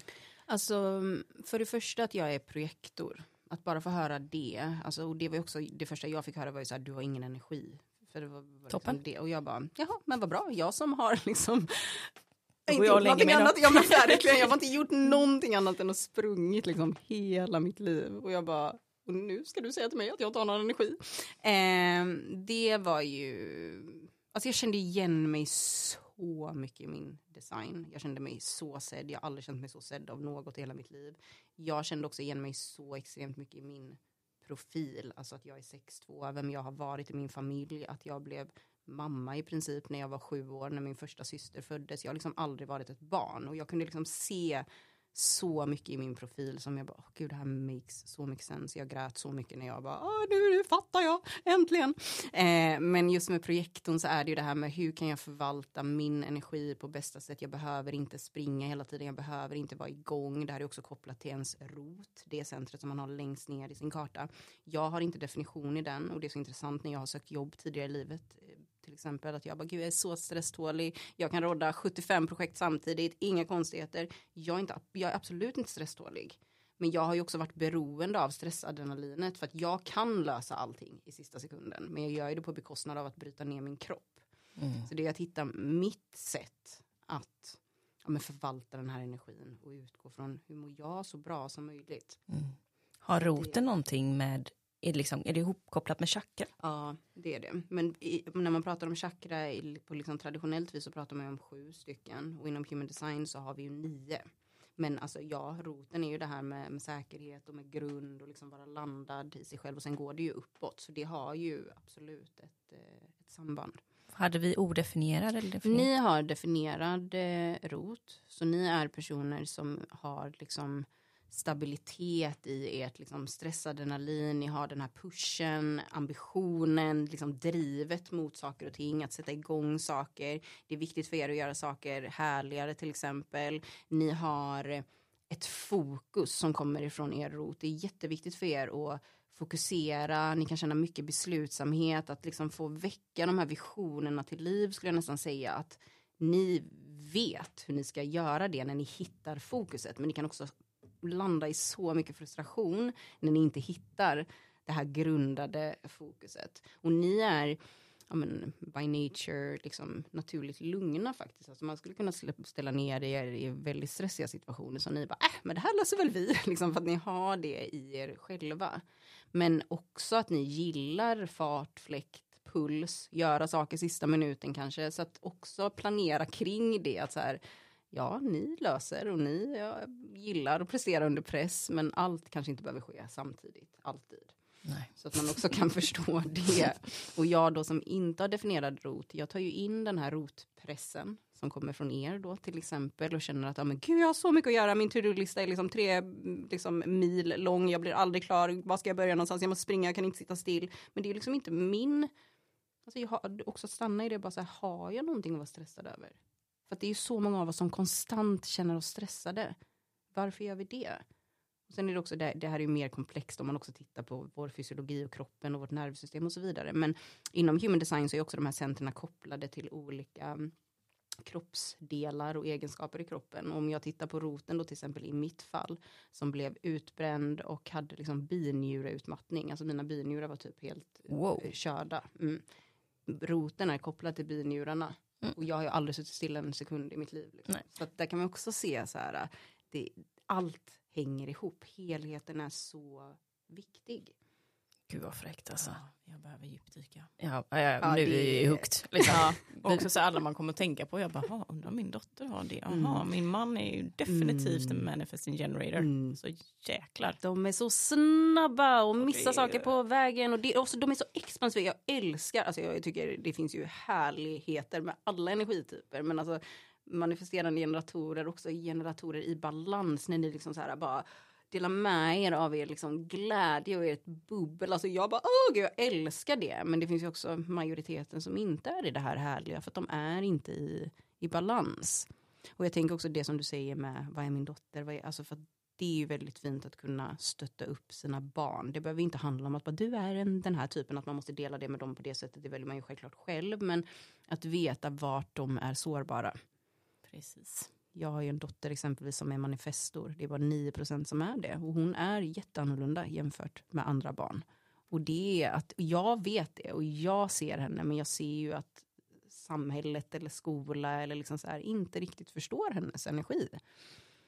Och det är, ja nej men det är, du vet jag är så björnmamma liksom. Jag bara, får jag skriva ett brev till skolan innan hon börjar? Alltså jag, var så här, jag skrev inte, absolut inte med human design-termer, men jag bara, jag behöver att de ska se henne ur mitt perspektiv. För att förstå. För att det är så lätt att alla ska någonstans upp till den här liksom jämlika nivån. De som är liksom högljudda eller tar för sig, de ska ner och de som är på något annat sätt ska upp och så ska alla vara på den här. Och vi, det funkar inte så. Nej. Nej, det är så häftigt. Mm. Tänk vad det finns att lära sig. Och ja. vad det finns att utveckla. Mm. Ja, jag är så nyfiken nu också då på att höra hur inner dance kommer in i det här som du också är facilitator för. ja, det är också något vi måste prova.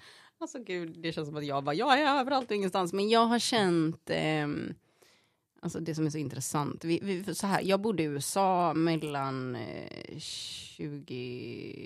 2008 och 2010. Och när jag kom hem från USA så hade jag, det var liksom första gången jag gjorde någonting för mig själv. Jag lämnade min familj och det var liksom jättejobbigt men jag bara, jag måste prioritera mig själv och, och sådär. Eh, yogade mycket, höll på med pilates och var också väldigt liksom nere i spiritualiteten där, när jag bodde i, också utanför LA, liksom, där det är ju typ meckat för det fanns så mycket.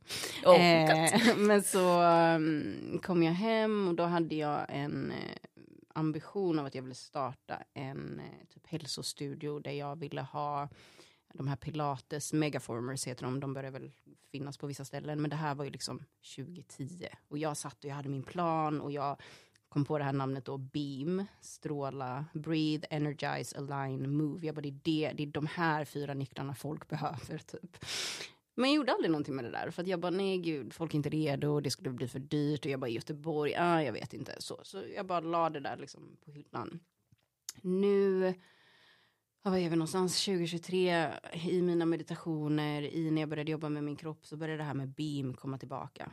Alltså 13 år senare. Och jag var så här, gud, det här betyder ju något helt annat för mig idag. De här liksom, fyra bokstäverna. Och jag har länge letat efter ett sätt integrera kroppen. För att man kan coacha människor och man kan guida människor och man kan visa kartor och prata om human design men det är fortfarande väldigt intellektuellt. Det ger en förståelse men om kroppen är triggad på olika sätt eller om vi har trauman som inte är bearbetade eller om vi har emotioner som är undantryckta och så vidare så är det svårt att komma förbi vissa saker. Så jag kände att det var så viktigt att bjuda in ett sätt där vi kan röra vår energi i kroppen, där vi kan frigöra det som är stagnerat. Och därför har jag då utbildat mig till inner dance facilitator som är vad det låter. Det är alltså en inre dans. Alltså det är en dans mellan dina emotioner och din hjärna och din, ditt hjärta och din kropp. Liksom. Och hur går det till? Ja, det ska ni få veta. Nej men det är en ehm, en meditativ sound journey. Eh, kommer man på någon av mina klasser eller vill göra det här liksom one-on-one så börjar jag berätta vad det är, vad man kan förvänta sig och det det är är att det är en, men, en healingmetod egentligen där man jobbar med musik för att nå vissa frekvenser i våra hjärnvågor för att komma åt vårt nervsystem så att vi kan reglera och omprogrammera. För att det vi vill efterlikna är men egentligen vår sömncykel och nå ett dream state fast vi är vakna. För då når vi vårt undermedvetna och kan möta saker vi är rädda för utan att vara rädda. Wow. Så det är mm, det finaste. Och när man kommer då, jag guidar först liksom i en, någon form av meditation för att man ska landa i, i, rummet. Och trygghet är det viktigaste för mig. Jag pratar jättemycket om att skapa space. Jag vill skapa space för människor där de känner sig trygga att kunna liksom få landa. För att så här, det enda ni behöver göra är att komma och lägga er på den här yogamattan. Men det är också det svåraste. Att släppa allting och se vad som händer. Så det är liksom hög musik som spelas. Jag går runt och gör massa olika saker som jag intuitivt känner. Kanske petar lite på er, trycker på vissa punkter och så vidare. Och man kan ha en väldigt stilla resa eller session. Eh, där det kanske händer mycket på insidan. Ni kanske får visioner, ni kanske hör saker, ni kanske får klarhet kring saker. Det kan vara en känslorelease. Man kan gråta, man kan skrika, man kan skratta, man kanske känner att man vill sjunga. Whatever som kommer upp, kommer upp. Det kan också vara att kroppen får spontana rörelser. Och det här är ju, jag kan tänka mig att många som lyssnar kanske känner att, eller har sett något sånt här och bara gud det ser ut som att något tar över kroppen, det där ser skitläskigt ut. Men det är ingenting som tar över, det är alltså din egen livskraft som börjar väckas igen. Så att det är impulser till att vilja röra sig. Så känner man, gud det här känns skitläskigt eller så här kan inte jag göra. Då kan man liksom, slu alltså du är ju liksom medveten. Då kan man bara lägga ner sin arm eller vad man nu gör. Men kroppen kan alltså börja skaka. Man kan känna att man vill dansa. Man kan känna, ja, låta kroppen leda helt enkelt. För kroppen är oerhört intelligent och vill röra det här som sitter fast. Så att det är en eh, jag tycker att det är ett helt magiskt verktyg. Jag är så, så, så glad för min egen del att jag har hittat det här. Jag, under den här utbildningen som jag var på i Spanien så, men typ dag tre eller dag fyra så jag, jag grät. Jag hade en sån, ja, men väldigt tung upplevelse. För jag bara, gud, det känns som att jag har släppt liksom trauma för kanske 15 år i det här livet och sen också tidigare liv. Vi har så mycket grejer med oss som sitter i våra system. Men då, då jag, så kände jag liksom mitt hjärta på ett nytt sätt. Och det här kan ju låta jätteflummigt och jag var så jag skrattade nästan när jag sa det. Jag bara, Gud, jag känner mitt hjärta på ett nytt sätt, det här är helt sjukt. Men det handlar inte om att jag känner mitt hjärta på ett nytt sätt, utan det handlar om hur lite jag har varit i min kropp. Så det här är ju verkligen ett sätt att få ja, men, återconnecta, koppla samman hjärta och hjärna och liksom, ja, få en chans att röra det som du inte behöver. Otroligt. Hur lång är en sån här session ungefär? Två timmar. Wow. Eh, du ligger inte på yogamattan i den här liksom, eh, själva inner dansen i två timmar utan det är en timma. Men det är ja, just att komma in, jag berättar, vad kan man förvänta sig, hur ser det här ut, sen är det den här liksom grundningen som man gör tillsammans med mig och sen efteråt så har man också en delning.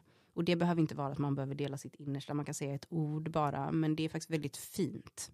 Och vi, jag märker att när jag håller space på det här sättet, folk vill inte gå hem. Nej. För just det här att sitta och få dela och få vara sårbara och också så här relatera till andra människor. För i vårt lidande eller vad vi vill kalla det vi strugglar med, alltså är vi så jädra lika. Men vi vågar liksom inte prata om de här sakerna. Nej. Ofta är de stunderna så Mm. himla fina och precis som du säger att man behöver inte dela mycket utan det är bara att få sitta lite i den Mm. gemenskapen en liten extra stund. Mm. Kan Och göra också så att någon så här frågar, hur var din upplevelse? Alltså hur Mm. ofta får man den frågan? Så hur, Bli var din upp- sedd. ja, hur Mm. var din upplevelse? Så bestämmer man ju själv Mm. liksom, Mm. vad man vill delge. Vad, alltså, jag känner ju att spontant, det här behöver Jag göras. upp mig. Alltså jag signar upp alla dagar i veckan. Ja, komsi, komsi. Ja. Nej men alltså ja, verkligen. Det är, det är skithäftigt. Ja, fy fasen. Vad tror du eh, människor som har kommit dit tar med sig? Liksom, vad är den största behållningen tror du? För någon som kommer på en inner dance session. Ehm, hur, ja, den största behållningen är ju framförallt chocken över hur lite vi är i våra kroppar. Mm. Ehm, det andra är hur mycket svar vi har i oss själva som vi hela tiden jagar i det yttre. Och sen också hur mycket vi inte förstår att vi agerar utifrån alltså vårat, våra sår och, och trauman. Och det här är ju någonting som vi alla gör, för vi är väldigt reaktiva oftast. Vi reagerar och där blir jag irriterad eller säger någonting rakt ut. Alltså det är ju från en plats i oss där vi har känt oss sårade. Ja. Och det kommer ju oftast från någonting som vi inte har bearbetat. Och jag vet att många kommer till mig också och bara, jag har inga trauman. Och jag är så här, alla människor har trauman. Sen är de olika stora, självklart. Men vi har saker där vi har känt att ja, men det här får jag inte göra på det här sättet. Eller här är jag för mycket, eller här är jag för lite. Eller så där kan jag inte säga. Eller så där. Och det, det sitter ju i oss. Ja. Och det är... ehm, Men jag har fått så fint, alltså folk är också... Jag är också så här, det går inte att förklara, det måste upplevas. För Ja. även om jag sitter att så här, ja men det är så här och så försöker man då intellektualisera hur det skulle kunna se ut. Men varje människas resa i det här eller möte med sitt inre är ju unik också. Ja. ja, det är så spännande. Så det, ja. Gör man det liksom, ehm, skulle du säga att så här, man vill göra det flera gånger? Gör man det liksom en gång i månaden eller på eh, känsla? Eller hur funkar det? Jag skulle säga känsla. Mm. Eh, men det är också viktigt med integration, alltså att integrera det som kommer upp. För det kan komma upp saker så man bara, gud nu ser jag det här på ett helt nytt sätt. Eller nu blev det här jätteklart. Eller gud, nu vet jag varför jag har fått fast i de här sakerna till exempel. Och det behöver ju också någonstans få landa. Så det kan ju vara en process också att man behöver sitta med det där. Ens magkänsla kan bli ännu tydligare. Man kan sova bättre. Man kanske har helt andra relationer. Man vågar ta plats på ett annat sätt. Alltså saker börjar ju förändras. Så även den här faktiska stunden med mig på, på yogamattan till exempel, det är ju bara en del i att börja väcka tillbaka den här livskraften. Sen är det ju någon, en process som fortgår. Men vissa går ju, vill gå en gång i veckan, vissa väntar liksom varannan vecka, en gång i månaden. Jag har ju också ett längre program som är 11 veckor där man kombinerar human design, nervsystemsreglering och då inner dance för att så här, hur kan vi verkligen ja, men, komma från en, alltså skapa de bästaste förutsättningarna för kroppen att göra den här personliga utvecklingsresan. För mycket fattar vi i huvudet men det hjälper inte alltid. Nej. Otroligt att få, få den kombinationen. Mm. Briljant. Ja. Ja. Så jag tänker, snälla dela med dig om hur man kan jobba med dig om man är sugen på Om man är coachning. sugen. Ja. Ja, nej men jag erbjuder eh, inte längre faktiskt rena human design-analyser, men är man så här intresserad av hur är jag i relationer eller vill titta på hur man är som företagare eller hur kommunicerar jag bäst exempelvis. Det här, jag är öppen för förslag. Då kan man fortfarande boka in en session med mig Eh, där vi går igenom det tillsammans och man också får en pdf med massa information som man kan liksom komma tillbaka till och grotta ner sig i och så vidare. Eh, sen jobbar jag också med coachning över tid då, eh, och jag har ett litet program som är fyra veckor som heter Mind Your Design där vi börjar liksom grotta ner oss i vad är min design, hur flowar min energi på bästa sätt, vad är mina styrkor, vad är mina sårbarheter, vad har jag för skuggsidor, hur ser det ut när jag hamnar i de lägena? Och sådär. Sen har jag The Beam Journey som det numera heter, som är mitt andra program som jag haft i två år men som jag har liksom uppdaterat nu också med min inner dance. Eh, som är 11 veckor och som jag kallar verkligen en, en resa, en transformation tillbaka till sig själv. För det är coachning, det är human design, det är det här med att förstå kroppen och vad som sitter stagnerat och skala bort allt det där du har trott att du behöver vara för att komma ja, men så nära din liksom, kärna som möjligt. Så det är att jobba med, med mindset, med självbild, kommunikation, gränssättning, vårt medvetna, vårt undermedvetna mönster och så vidare. Så det är verkligen, ja, det är en, en resa som faktiskt är väldigt fin. En djupdykning. Mm. Fasen vad fint att ge sig själv. Ja, men årets julklapp. Nej men snälla. 2023. Vad pågår? Var den pang? Jag bara tack, tack, tack. Nej, men det, ja. Så det är det jag gör just nu. Sen eh, så tänker jag ju att jag vill eh, ja, men hålla space för människor. Så jag ska ha retreats, workshops. Eh, jag vill gärna komma ut till företag. För jag känner att det är inte för intet att jag har jobbat som projektledare och liksom varit med och byggt team och så vidare. Att jag också har den kompetensen och kombinera det med det här hur vi kan förstå varandra och verkligen ta tillvara på våra styrkor och egenskaper istället för att stöta och blöta i något som inte finns. Otroligt. Och om man vill ha liksom mer introduktion till dig, var hittar man dig och följer dig? Man hittar mig på Instagram där jag heter marli.montan och sen har vi också min hemsida www.marlimontan.com. Ja. Det är ju bara att klicka in och grotta ner sig. Ja, In och läs. Ja. in och kika. Ja, Vilket fantastiskt samtal. Ja, men helt otroligt. Jag är helt begeistrad över hur du eh, kommunicerar. Otroligt. Ja, vad pågår? Tack. Nej, jag vet Tack, inte. tack, Det är som en channeling. Ja, Ja, det, ja men, nej, men bara. gud vad intressant. Ja, och det är det i, princip. Ja. Jag pratar direkt från min intuition faktiskt. Det märks och det är så Ja, behagligt det är och så också så lugnt och skönt. innehållsrikt. Mm. Sakligt. kul. Ja, Jag jag- älskar det. Att ni uppskattar. Ja, det gör vi verkligen. Tack snälla fina Marli för att du ville vara med oss här. Tack själva. Jag är så, så glad eh, för er inbjudan och fråga och för att få spendera den här stunden med er. Ja, det var ju alltså det bästa. Ja, det var det bästa. Vilken start Nu på tar, vi, fredagen. nu tar vi fredag. Ja, nu ska vi släppa ut Marli genom dörren här. Det känns som att vi har kidnappat dig. Så mysigt. Ja, vi länkar som vanligt i podden, eh, poddtexten där eh, till eh, Marli och hennes kontaktuppgifter och sådär så att ni kan klicka er in. Ja, och ni som inte följer och prenumererar på podden, det är dags nu. Klicka på den lilla Spotify, Spotify, Spotify-knappen och eh, så ni inte missar några avsnitt. Nej. För så här bra blir det. Ja, ja. Ja, ja unna dig. Trevlig helg allihopa. Mm-mm. Vi hörs. Ha det gott. Hej hej. Alla vet ju att ett harmoniskt, njutbart, härligt liv som vi alla vill ha börjar med att magen mår bra. Eller hur? Det finns ju inget värre än att gå runt med spänd mage, orolig eller att den inte fungerar som den ska.